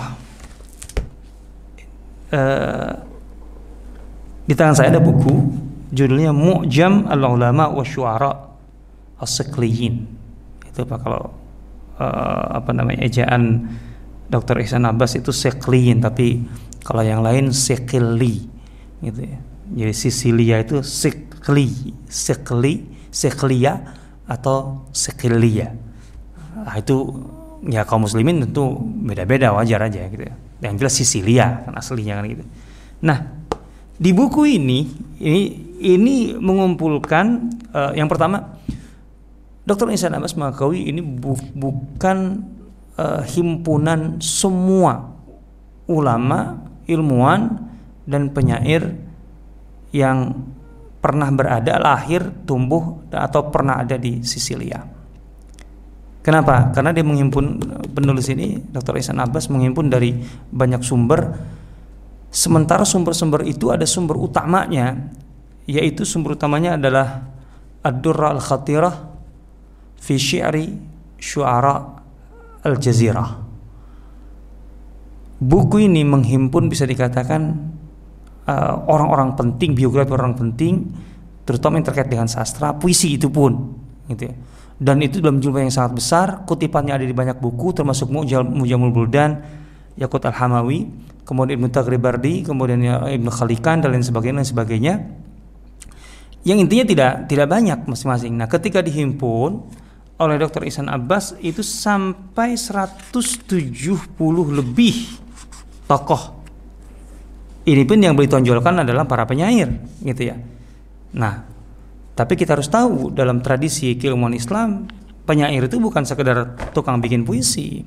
Mereka itu adalah orang-orang sastra dan orang sastra itu biasa pada saat itu mereka punya keahlian dan keilmuan di bidang-bidang lain gitu loh. Sehingga kemudian Uh, selain tentu saja di sini ada al ulama wasyuara gitu. Juga para ulama disebut di sini. Ini 170 itu yang menonjol dan itu bukan semuanya dan menarik gitu. Sepanjang 250-an tahun itu. Saya berikan contoh ini tentang tentang sosok-sosok yang diangkat di sini. Nomor 122 ini Muhammad bin Hasan Abu Abdullah Al-Katib As-Siqli Al-Ma'ruf Birrujaini Fadilun Nah Al-Katib As-Siqli berarti dia punya apa namanya profesi sebagai apa namanya uh, juru tulis. Dan biasanya juru tulis otomatis juga orang seorang ahli sastra. Dan di sini buktinya memang ada beberapa puisi yang dibuatnya gitu ya. Nah, Fadilun ini seorang terkemuka mufidun fil ulum riyadiyah. Tapi juga dia punya uh, apa namanya uh, jasa atau punya keilmu kontribusi dalam ilmu matematika ilmu-ilmu aritmatika matematika. Barion fil asrar ruhaniyah juga seorang kalau bahasa kita tasawuf. Walau nasrun wa syi'run. Coba bayangkan orang yang sangat bari'un fil asrar ruhaniyah. Artinya secara tasawuf dia sangat mendalami, menjiwai, tapi sisi lain dia punya kontribusi dalam bidang ilmu uh, matematika. Itu kan susah gitu ya. Gak kebayang gitu. Dan dia seorang secara profesi dia seorang juru tulis dan seorang ahli sastra. Walahu nasrun wa syairun. Bagaimana bisa memunculkan orang-orang orang seperti ini? itu di tengah gejolak politik yang tadi saya katakan relatif tidak stabil selama 250 tahun. Tapi itulah uh, kemandirian umat itu uh, membuahkan hasil yang seperti ini. Gitu. Nah, kemudian contoh lain nih Muhammad bin Hasan At-Tubi Abu Abdullah As-Siqli Muqimun bisakliyah yatawal al-insya' dia menetap di Sisilia juga begitu punya profesi sebagai juru tulis kalau bahasa kita nahwiyun arba fin nahwi ala naftawai dia seorang ahli nahwu nahwu itu grammarnya Arab. Dalam kepakarannya dalam ilmu nahwu itu dia tidak di bawah. Atau katakanlah dia sejajar atau melebihi naftawai seorang ya, ahli nahu kenamaan gitu dalam bahasa. Nah, yang menarik kemudian wafit tibbi ala ibni Masawi dan dalam kedokteran, kepakarannya dalam ilmu kedokteran dia pun tidak kalah atau bahkan uh, di atas Ibnu Masawi, seorang ahli kedokteran juga yang terkenal. Jami'unil Fadail. Banyak sekali kelebihan-kelebihannya. Alimun birasail. Juga luas pengetahuannya. Kalamuhu fi fasahah. Dia sangat fasih, berarti tingkat sastranya sangat tinggi. Wa syi'ru fi ghayatil milahah. Uh, dan puisinya itu juga sangat-sangat indah. Walahu maqamat kama maqamatil badi wa, wa ikhwaniyat ka'annaha zahrur rabi' ma khattin kattarz kattarzil ma'al mu'allamah katturaz al mu'allamah wal burud al musammana wa kana syi'ru taw'a yananihi wa khadima jananihi. Ah, ini. Wa kana hadzal fadil mawjudan fi sanati 50 wa 400 bisiqliyah pada tahun 450-an dia ter, terbukti ada. Artinya ada fakta yang menunjukkan tahun itu dia ada di Sisilia. Apa ini? Artinya ulama-ulama yang pakar gitu ya. Uh, satu sisi ahli sastra yang sangat luar biasa sisi lain dia juga seorang pakar kedokteran dan juga dia punya profesi sebagai juru tulis dan artinya sekretaris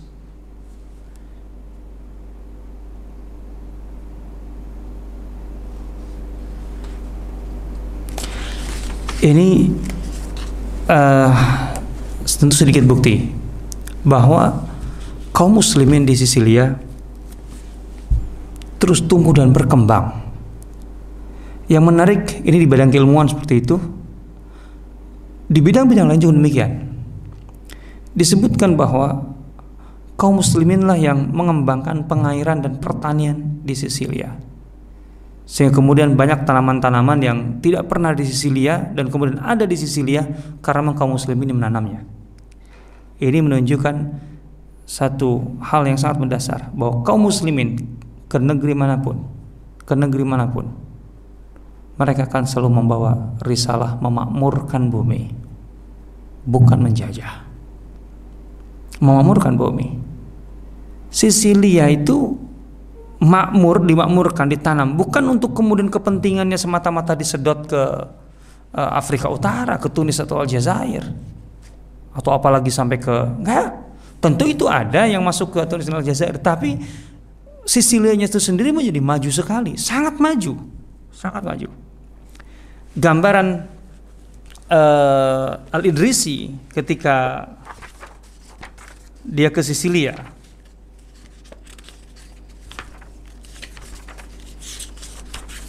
Al-Idrisi oleh geografi. Anna fi jaziratu siqliyah azyad min mi'ati hasan. Ada 100 benteng besar. Wa fiha nahrani wa uyun. Ada dua mengalir dua sungai besar dan banyak mata air. Wa hiya fil iqlim rabi katsiratul khairat. Sangat sangat subur banyak sekali macam uh, ini waduruha uh, sabata asyara dan kalau dikelilingi membutuhkan waktu sekitar 17 hari perjalanan. Wa tuluha khamsatu ayam dan kalau dipotong gitu ya itu lima hari. Wa qaidatuha madinati balaram. Dan ibu kotanya adalah Palermo. Wa kanat mudunan kathiratan mutajawiratan.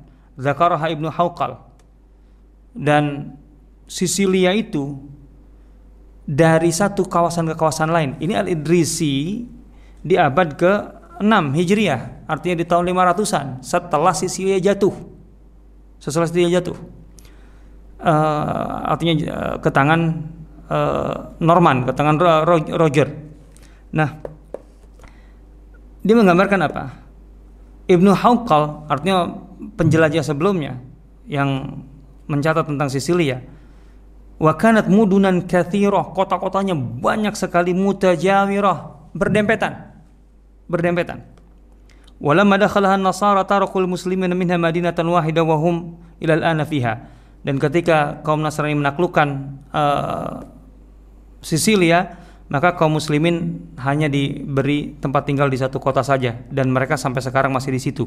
Artinya itu kota yang masih di kata di di di, di uh, diatur gitu loh. Segala sesuatunya oleh kaum muslimin gitu ya uh, hakimnya dan sebagainya itu masih berjalan. Sampai masa ini sampai kemudian setelah uh, apa namanya Al Idrisi itu sudah tidak ada lagi. Wa amamaha muntazahatun milah min hajabal ghirbal yanbu minhul ma ka'unil eh, mankhal al minkhal ada banyak tempat-tempat indah untuk kalau bahasa kita rekreasi, itu para wisata dan seterusnya. Nah, jadi uh, Sisilia begitu jatuh ke tangan uh, orang-orang Nasrani, terutama dalam hal ini orang Norman, itu betul-betul dalam keadaan makmur luar biasa. Tapi kenapa bisa jatuh? Itu masalah lain.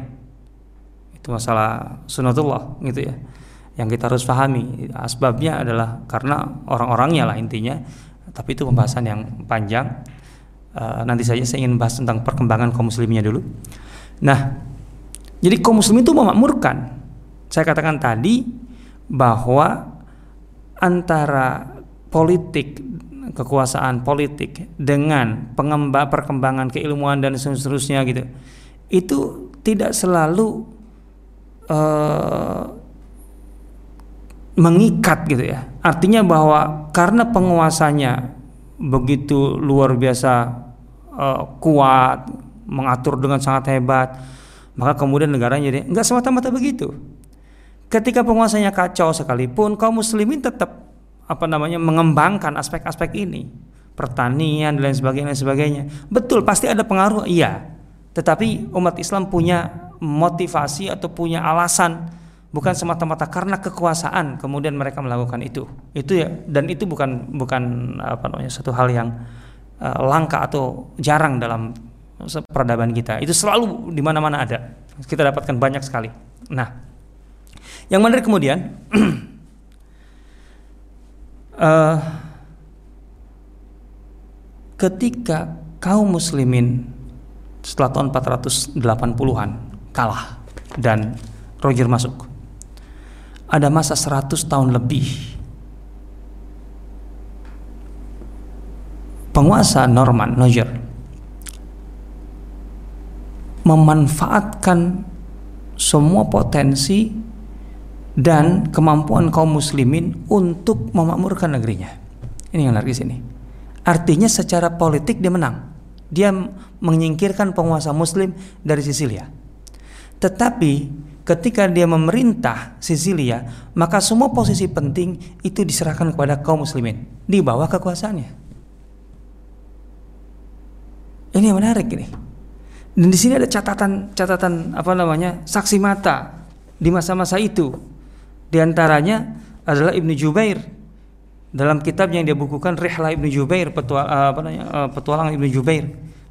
Di bagian akhir buku ini dia membahas tentang pengalamannya setelah pulang dari haji untuk menuju Andalus dia ke uh, ke Sisilia kabar Madinat Masinia uh, apa namanya berita tentang kota Masena di Sisilia kemudian ini pakai bahasa Ibnu Jubair ya waktu itu kabar Madinat Shafludi gitu ya. Min jazirat Siklia eh, atau Sikilia kabar Madinat Sarma uh, minal jazirah al madhkurah. Khabar Madinah hiya hadratus Siqliyah atau Palermo. Nah Ibnu Jubair mengungkapkan banyak hal di sini. Di antaranya ketika dia masuk ke Masena kota Masena. Waktu itu rajanya setelah Roger II Roger II ada cerita tersendiri. Dia bilang bahwa di istana itu orang-orang yang di istana maksudnya di istana Raja Norman ini setelah Roger II nih yang bekerja di sektor-sektor penting itu adalah kaum muslimin. Bahkan mata uang eh, Palermo itu waktu itu itu tetap menggunakan apa namanya eh, cap Islam gitu ya. Wa min ajibi sya'nihi al-mutahaddats bihi annahu yaqra wa yaktub bil. Dia sebutkan ini adalah pengganti Roger.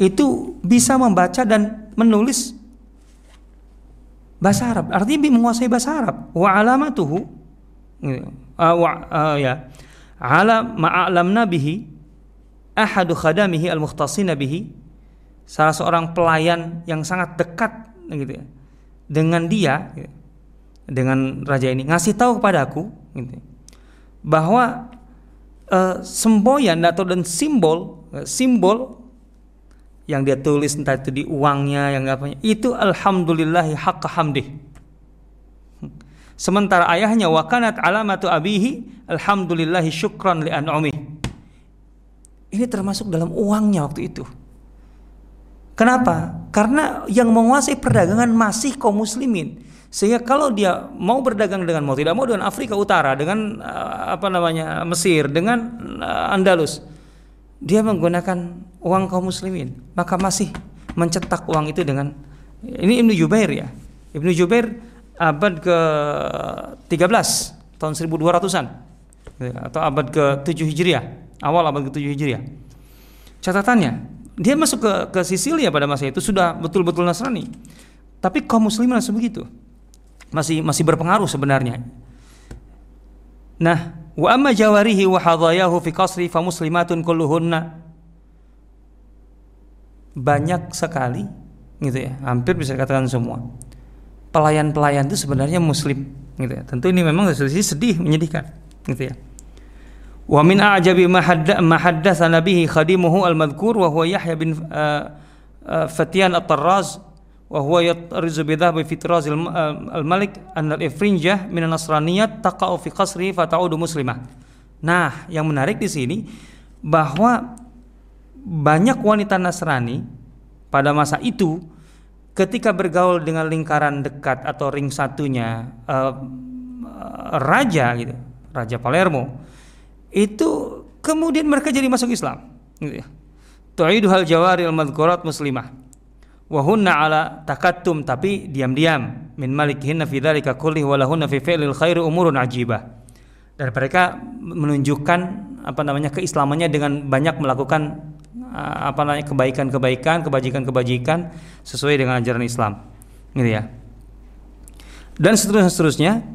Yang menarik di sini salah satu uh, pernyataannya adalah bahwa di Palermo atau dan di Sisilia secara umum dan ini kurang lebih 100 tahun setelah jatuhnya Sisilia ke tangan Nasrani wanita-wanita Nasrani sekalipun di Palermo dan di Sisilia secara umum memakai baju-baju wanita muslimah jadi pakai jubah pakai kerudung dan seterusnya dan ini bukan fenomena yang mengejutkan di Andalus faktanya lebih besar daripada ini tentunya. Ketika kaum muslimin kalah di Andalus, betul secara politik kalah, tapi 150 tahun lebih bahkan kalau kita hitung dari jatuhnya uh, Sevilla tahun 500 sekian itu sampai ke Granada dan setelah itu artinya sekitar 200 tahun bahkan. Ada fenomena yang diakui dalam sejarah Spanyol sekalipun dan bisa dicari. Bisa dicari. Di Google. Modejar Modekhar Modekhar itu ketika uh, kekuasaan uh, Spanyol di tangan orang-orang Nasrani Katolik tapi sektor-sektor penting mereka masih mengandalkan kaum muslimin termasuk karya-karya arsitektur atau bangunan. Kita kenal sampai sekarang mode Khares di kota-kota Spanyol masih banyak sekali. Terutama di Sevilla masih kita bisa lihat dengan jelas sekali. Nah ala kulihat di sini kita bisa paham mengapa seorang uh, Muhammad bin Muhammad bin Abdullah bin Idris atau Asharif Al-Idrisi menulis kitab geografinya yang sangat terkenal Nuzhatul Mushtaq fi Ikhtiraqil Afaq itu di Palermo. Dan mengapa kemudian dia juga membuat uh, untuk pertama kalinya dalam sejarah geografi globe bola dunia, peta dalam bentuk bola dunia adalah Al-Idrisi dan dia membuatnya di Palermo. Karena pada masa Roger, bahkan setelah Roger, penguasa Sisilia masih sangat-sangat bergantung kepada umat Islam untuk menjalankan pemerintahannya. Dan fakta-fakta sudah saya, saya katakan dalam buku Shoki Abu Khalil bisa dibaca Fathu uh, Sikliya dalam kitab ini Rehlat Ibnu Jubair ini adalah saksi mata karena memang perjalanan pribadi catatan pribadi kemudian dalam bisa dibaca juga dalam beberapa buku lain tentang Sisilia uh, kalau tidak salah kalau terjemahkan pengaruh kaum muslimin di Sisilia dan Sisilia menjadi jembatan uh, menuju Renaissance Eropa. Nah, hal kurang lebih itu gambaran gambaran uh, ya tidak seluruhnya tentunya tentang Islam atau kaum muslimin di Sisilia tapi setidaknya membuka banyak hal dan kalau ingin tahu tentang puisi-puisi yang ditulis di Sisilia buku ini bisa dibaca Mu'jam al-ulama wa syu'ara as bagaimana mereka menulis tentang uh, keindahan Sisilia dan seluruh budaya sisi kaum muslimin di Sisilia dan setelah Sisilia mulai runtuh gitu ya bisa dibaca. Artinya yang sedihnya ada yang uh, heroiknya ada yang uh, macam-macam gitu ya. Nah demikian barangkali yang bisa saya sampaikan terkait dengan uh, Sisilia ini masih banyak buku yang bisa dibaca. Al-Arab fi Seklia karya Dr. Hisan Abbas juga. Artinya selain buku ini belum punya buku lain. Juga ada saya ada dua atau tiga buku tapi dalam bentuk PDF tidak punya uh, apa namanya uh, buku aslinya. Tapi buku-buku tentang Sisilia sebenarnya yang klasik sulit kita dapatkan karena ya penulis-penulisnya kan menulis di Sisilia ataupun setelah itu mungkin hilang dan lain sebagainya kita dapat kutipan-kutipannya di buku-buku lain termasuk buku-buku tentang Andalus, tentang Afrika Utara, tentang Mesir karena banyak dari dari ulama-ulama Sisilia kemudian hijrah ke Mesir apalagi setelah masa kekacauan dan tinggal di sana uh, bisa dibaca di buku-buku tersebut. Wallahu taala demikian kita cukupkan dan barangkali ada pertanyaan satu atau dua silahkan.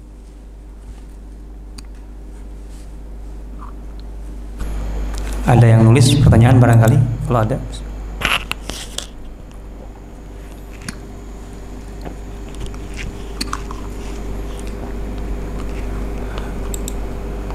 Baik, silakan uh, ajukan pertanyaan di kolom komentar. Nanti kita akan memilihnya dengan random.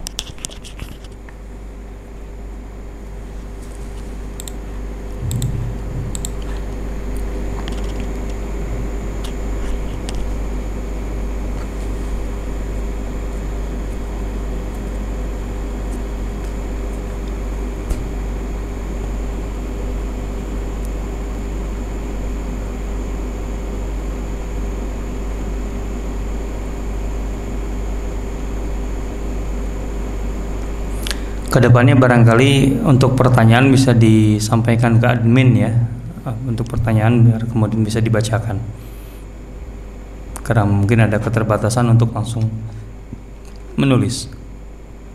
Insya Allah kita akan lanjutkan dan ada satu tema yang belum direncanakan tadinya tapi saya ingin bahas dan barangkali itu penting untuk kita uh, terutama saat ini.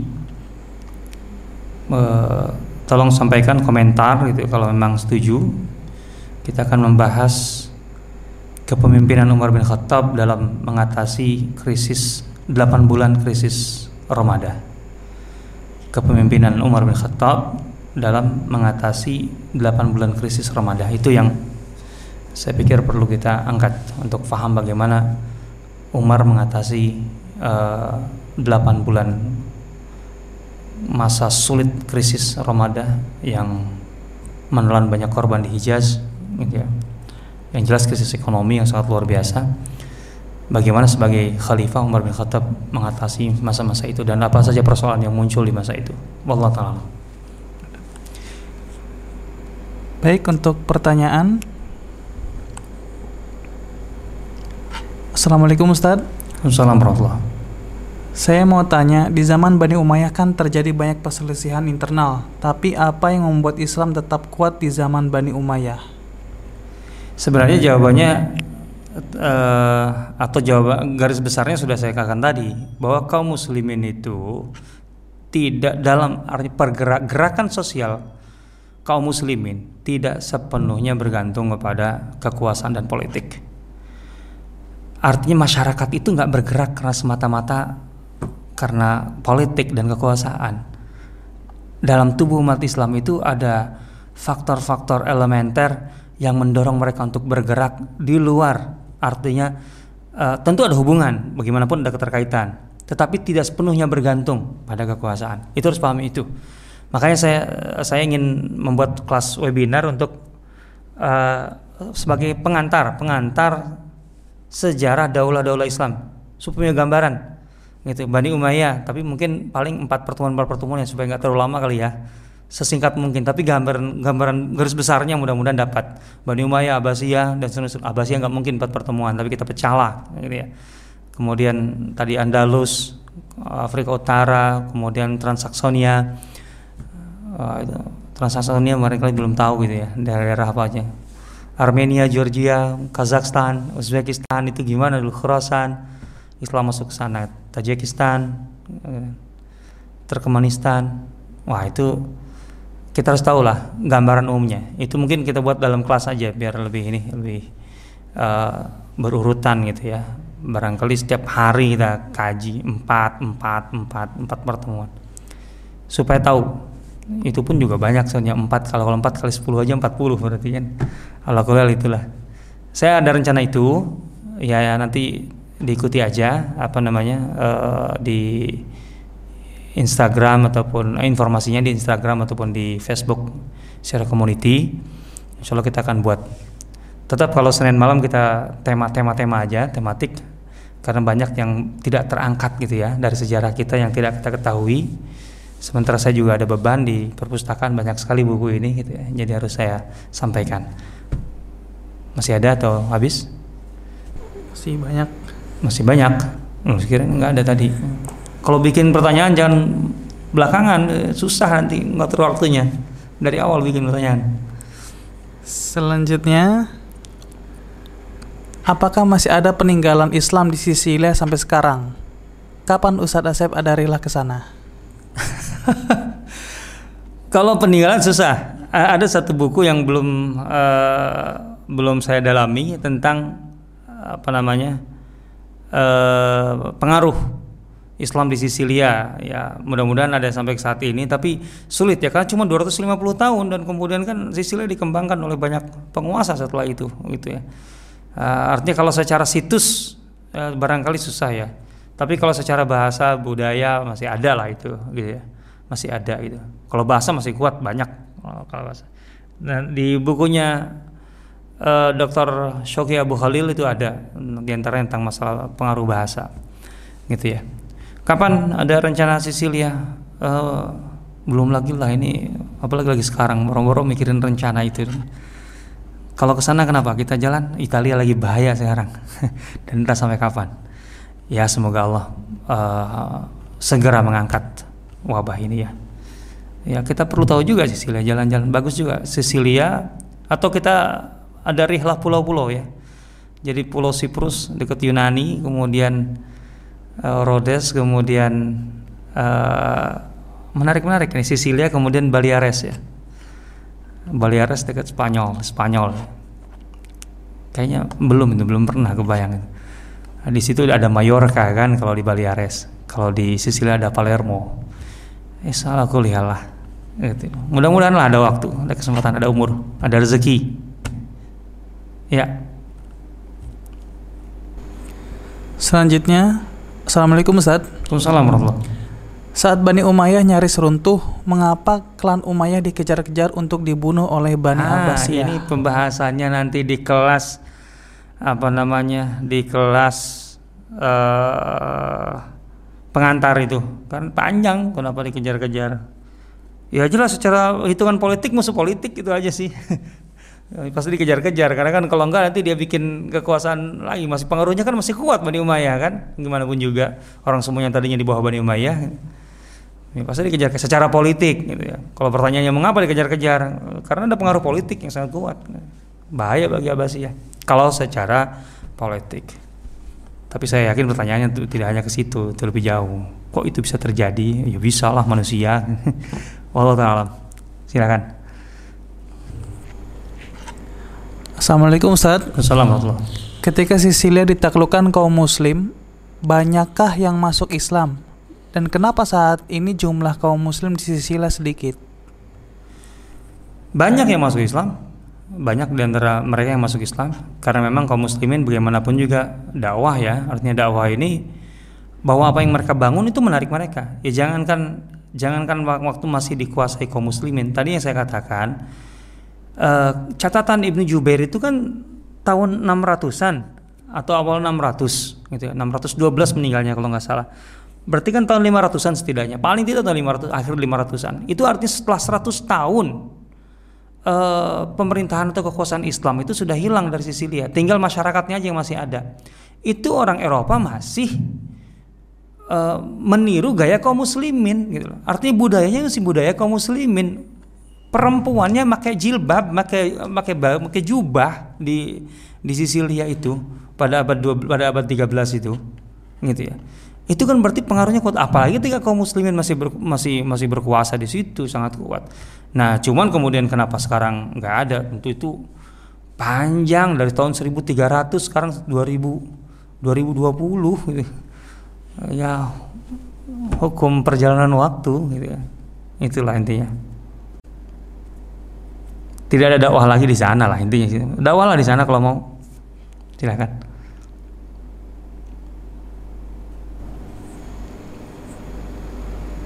Selanjutnya Sisi uh, Assalamualaikum Ustaz. Wassalamualaikum Sisilia masuk dalam daulah apa dan nama khalifahnya siapa? Tadi Sisilia itu di bawah Bani Aghlab, Aghalibah. Aghalibah sendiri dia secara struktur di bawah Abbasiyah dari sejak zaman Harun ar-Rasyid gitu. Jadi khalifahnya dari mulai Harun ar-Rasyid gitu. Tapi kemudian setelah kita tahu eh, tentu di masa setelah Harun ar-Rasyid bahkan setelah Al-Ma'mun tentunya karena Sisilia mulai ditaklukkannya tahun 212 sementara Harun al-Rashid meninggal tahun 194 kalau tidak salah. Ya setelah Al-Ma'mun lah mungkin.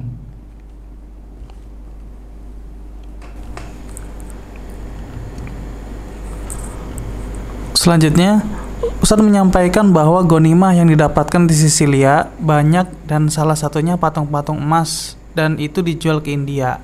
Riwayat tentang patung emas yang dijual ke India bisa ditemukan di mana? Di buku Fatus Seklia atau Seklia karya Dr. Shoki Abu Khalil. Silakan dibuka di buku itu. Di catatan kakinya. Selanjutnya, apakah mafia di Sisilia juga sudah ada sejak Islam ada di sana? Setahu saya tidak ada. Artinya nggak ada cerita mafia. mafia kan kemarin sore ya. Artinya baru-barunya. Ah bukan saya sejarah mafia lama tua, tapi maksudnya mafia yang masyhur itu kan Sisilia itu belum lama gitu. Tapi zaman itu belum ada. Tahun 900, 900-an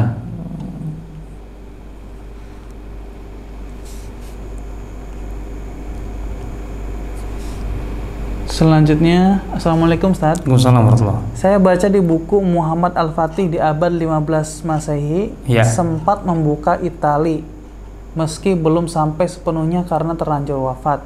Apakah setelah setelahnya Daulah Utsmani bisa membuka Italia? Enggak. Uh, artinya kalau kalau menaklukkan bisa dikatakan enggak gitu ya uh, bahwa perangan terjadi sampai Sulaiman Al-Qanuni pun juga masih terjadi. Cuma uh, Italia tidak dikuasai. Selanjutnya Ustadz pada saat itu Roma apakah masih menjadi pusat peradaban orang Katolik? Artinya kaum muslimin ketika itu masih menguasai Sisilia belum ke Roma Syukron. Tentu tidak. Artinya kaum muslimin tidak sempat ke ha, pernah sedikit ke bagian selatannya Italia tapi nggak sampai ke Roma. Tentu Roma masih sangat-sangat berpengaruh ya, Katolik. Cuman kalau secara politik yang mewakili Eropa Bizantium. Artinya dalam hal ini Roma kalah gitu ya. Tetapi kalau sebagai pusat spiritual tentu masih kuat Roma pengaruhnya dan sampai setelah itu pun sangat kuat. Terutama dalam menghadapi kaum muslimin selalu komandonya dari Roma. Baik itu untuk menghadapi kaum muslimin di Andalus ataupun yang menghadapi di uh, kaum muslimin yang di Turki Utsmani atau di Asia Kecil dan kemudian di Konstantinopel. Masih pengaruhnya dari Roma. Selanjutnya yang terakhir. Assalamualaikum Ustaz. Assalamualaikum. Apa penyebab Sisilia bisa direbut orang kafir? Kenapa kaum muslimin gak mampu bangkit kembali? Padahal banyak ulama dan budaya Islam masih berjalan. Sebelum Asad bin Furat pun kan kaum muslimin sudah mencoba untuk masuk Sisilia itu 150 tahun saya katakan tadi lebih bahkan. Artinya memang tidak mudah. Begitu kaum muslimin masuk selama 250 tahun kaum muslimin berada di Sisilia, kan saya katakan tadi bisa dikatakan secara pemerintahan atau politik tidak ada masa panjang kaum muslimin betul-betul stabil gitu. Karena geopolitik Afrika Utara dan kaum muslimin secara umum selain tentu ada persoalan di dalam Sisilia sendiri itu membuat itu tidak mudah. Artinya ada PR di dalam tubuh umat Islam itu sendiri. Di Sisilia bagaimanapun penguasa Afrika Utara yang membawahi Sisilia itu ingin sepenuhnya uh, apa mencengkram lah gitu ya uh, menghegemoni Sisilia di saat yang sama orang Sisilia semakin lama kan merasa mereka entitas sendiri berdiri sendiri sehingga tidak mau katakanlah diatur-atur oleh orang dari Afrika Utara sehingga di situ juga agak berat sebenarnya untuk stabilitas ya Nah, apalagi ketika kemudian Bani Aghlab runtuh dan kemudian Fatimiyah masuk, semakin kacau lagi gitu ya, semakin kacau lagi. Nah, dan terus uh, di dalam Sisilia sendiri ada perebutan kekuasaan, ada macam-macam permasalahan, kemudian hubungan dengan Afrika Utara juga selama masa Bani Aghlab juga tidak selalu harmonis, apalagi setelah Fatimiyah semakin kacau. Nah, akhirnya, nah kemudian tadi saya katakan Sisilia ditaklukkan kan dengan kekuatan gabungan sebenarnya bukan hanya Asad bin Furat dengan Bani Aghlabnya atau Aghalibahnya tapi juga ada kekuatan dari Barbar, ada kekuatan dari Andalus. Ketika Sisilia itu runtuh tahun 480-an, itu juga Andalus kan lagi runtuh-runtuhnya, artinya lagi lagi kacau-kacaunya, itu Taif itu. Taif itu. Art, dari satu pemerintahan di Andalus menjadi 21 pemerintahan, bisa bayangkan aja. Dan masing-masing saling makan itu. Di saat itulah Sisilia hilang dan dari Afrika Utara tidak ada yang kemudian juga masuk untuk membela Sisilia. Jadi Sisilia ya tim sendirian. Ya habislah oh, kekuatannya dari kanan kiri itu luar biasa itu. Kita bisa di peta aja gimana kalau dia sendirian. Dari timur Bizantium, dari utara Italia, kemudian uh, Frank, Frank, Prancis, Jerman, kemudian Normandia, uh, Viking, oh ngeri itu habis. Jadi memang berat, sangat berat. Tapi kuncinya permasalahan di dalam umat, tubuh umat sudah terkoyak kok. Sudah terkoyak. Kalau kita bicara tentang kedaulatan kaum muslimin di apa namanya di eh, Mediterania, itu tidak bisa berdiri sendiri. Andalus pun juga kan kemudian hilang karena dia yatim. Ketika Granada sudah yatim, sudah nggak ada lagi. Sudah betul-betul laut itu memisahkan dalam arti segala-galanya Bani Marin sudah ibarat kata membiarkan Granada dihabis dia sendiri lagi sibuk Hafsawi di Jazair juga membiarkan. Dan begitu juga uh, kalau nggak salah Bayazid pun juga nggak bisa ngapa-ngapain lagi bermasalah. Di Turki Utsmani Imam Malik apalagi. Ya demikianlah kurang lebih. Ya ini memang ada keterkaitan yang sangat kuat ya antara satu tempat-tempat lain kemudian dari satu masa ke masa lain. Makanya Insya Allah kita akan buatkan kelas webinar untuk pengenalan, pengantar sejarah daulah-daulah Islam. Pengantar aja. Supaya cepat dapat gambaran besarnya. Wallah taala.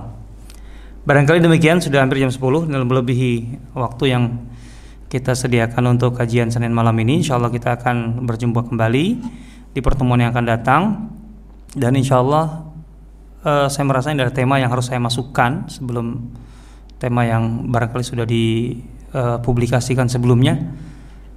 Uh, kita perlu membahas satu kasus khusus di masa Umar yang jarang terangkat secara apa namanya luas gitu ya, secara dalam mendalam yaitu tentang Am Ramadah, tahun Ramadah.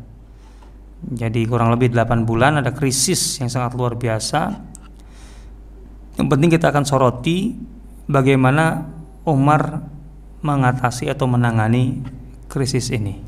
Kepemimpinan Umar yang sedang kita bahas. Allah taala. Demikian kita cukupkan untuk kajian pada kesempatan kali ini. Hadanallahu yakum ajmain. Semoga semuanya sehat-sehat, semuanya selamat, semuanya dilindungi oleh Allah Subhanahu wa taala. Semoga Allah melindungi kita semua, keluarga kita, lingkungan kita. Semoga penyakit ini, wabah ini, ujian ini segera diangkat oleh Allah Subhanahu wa taala. Amin ya rabbal alamin kita cukupkan dan kita tutup dengan kafaratul majlis. Subhanakallahumma bihamdika asyhadu an la ilaha illa anta astaghfiruka wa atubu ilaik. Wassalamu warahmatullahi wabarakatuh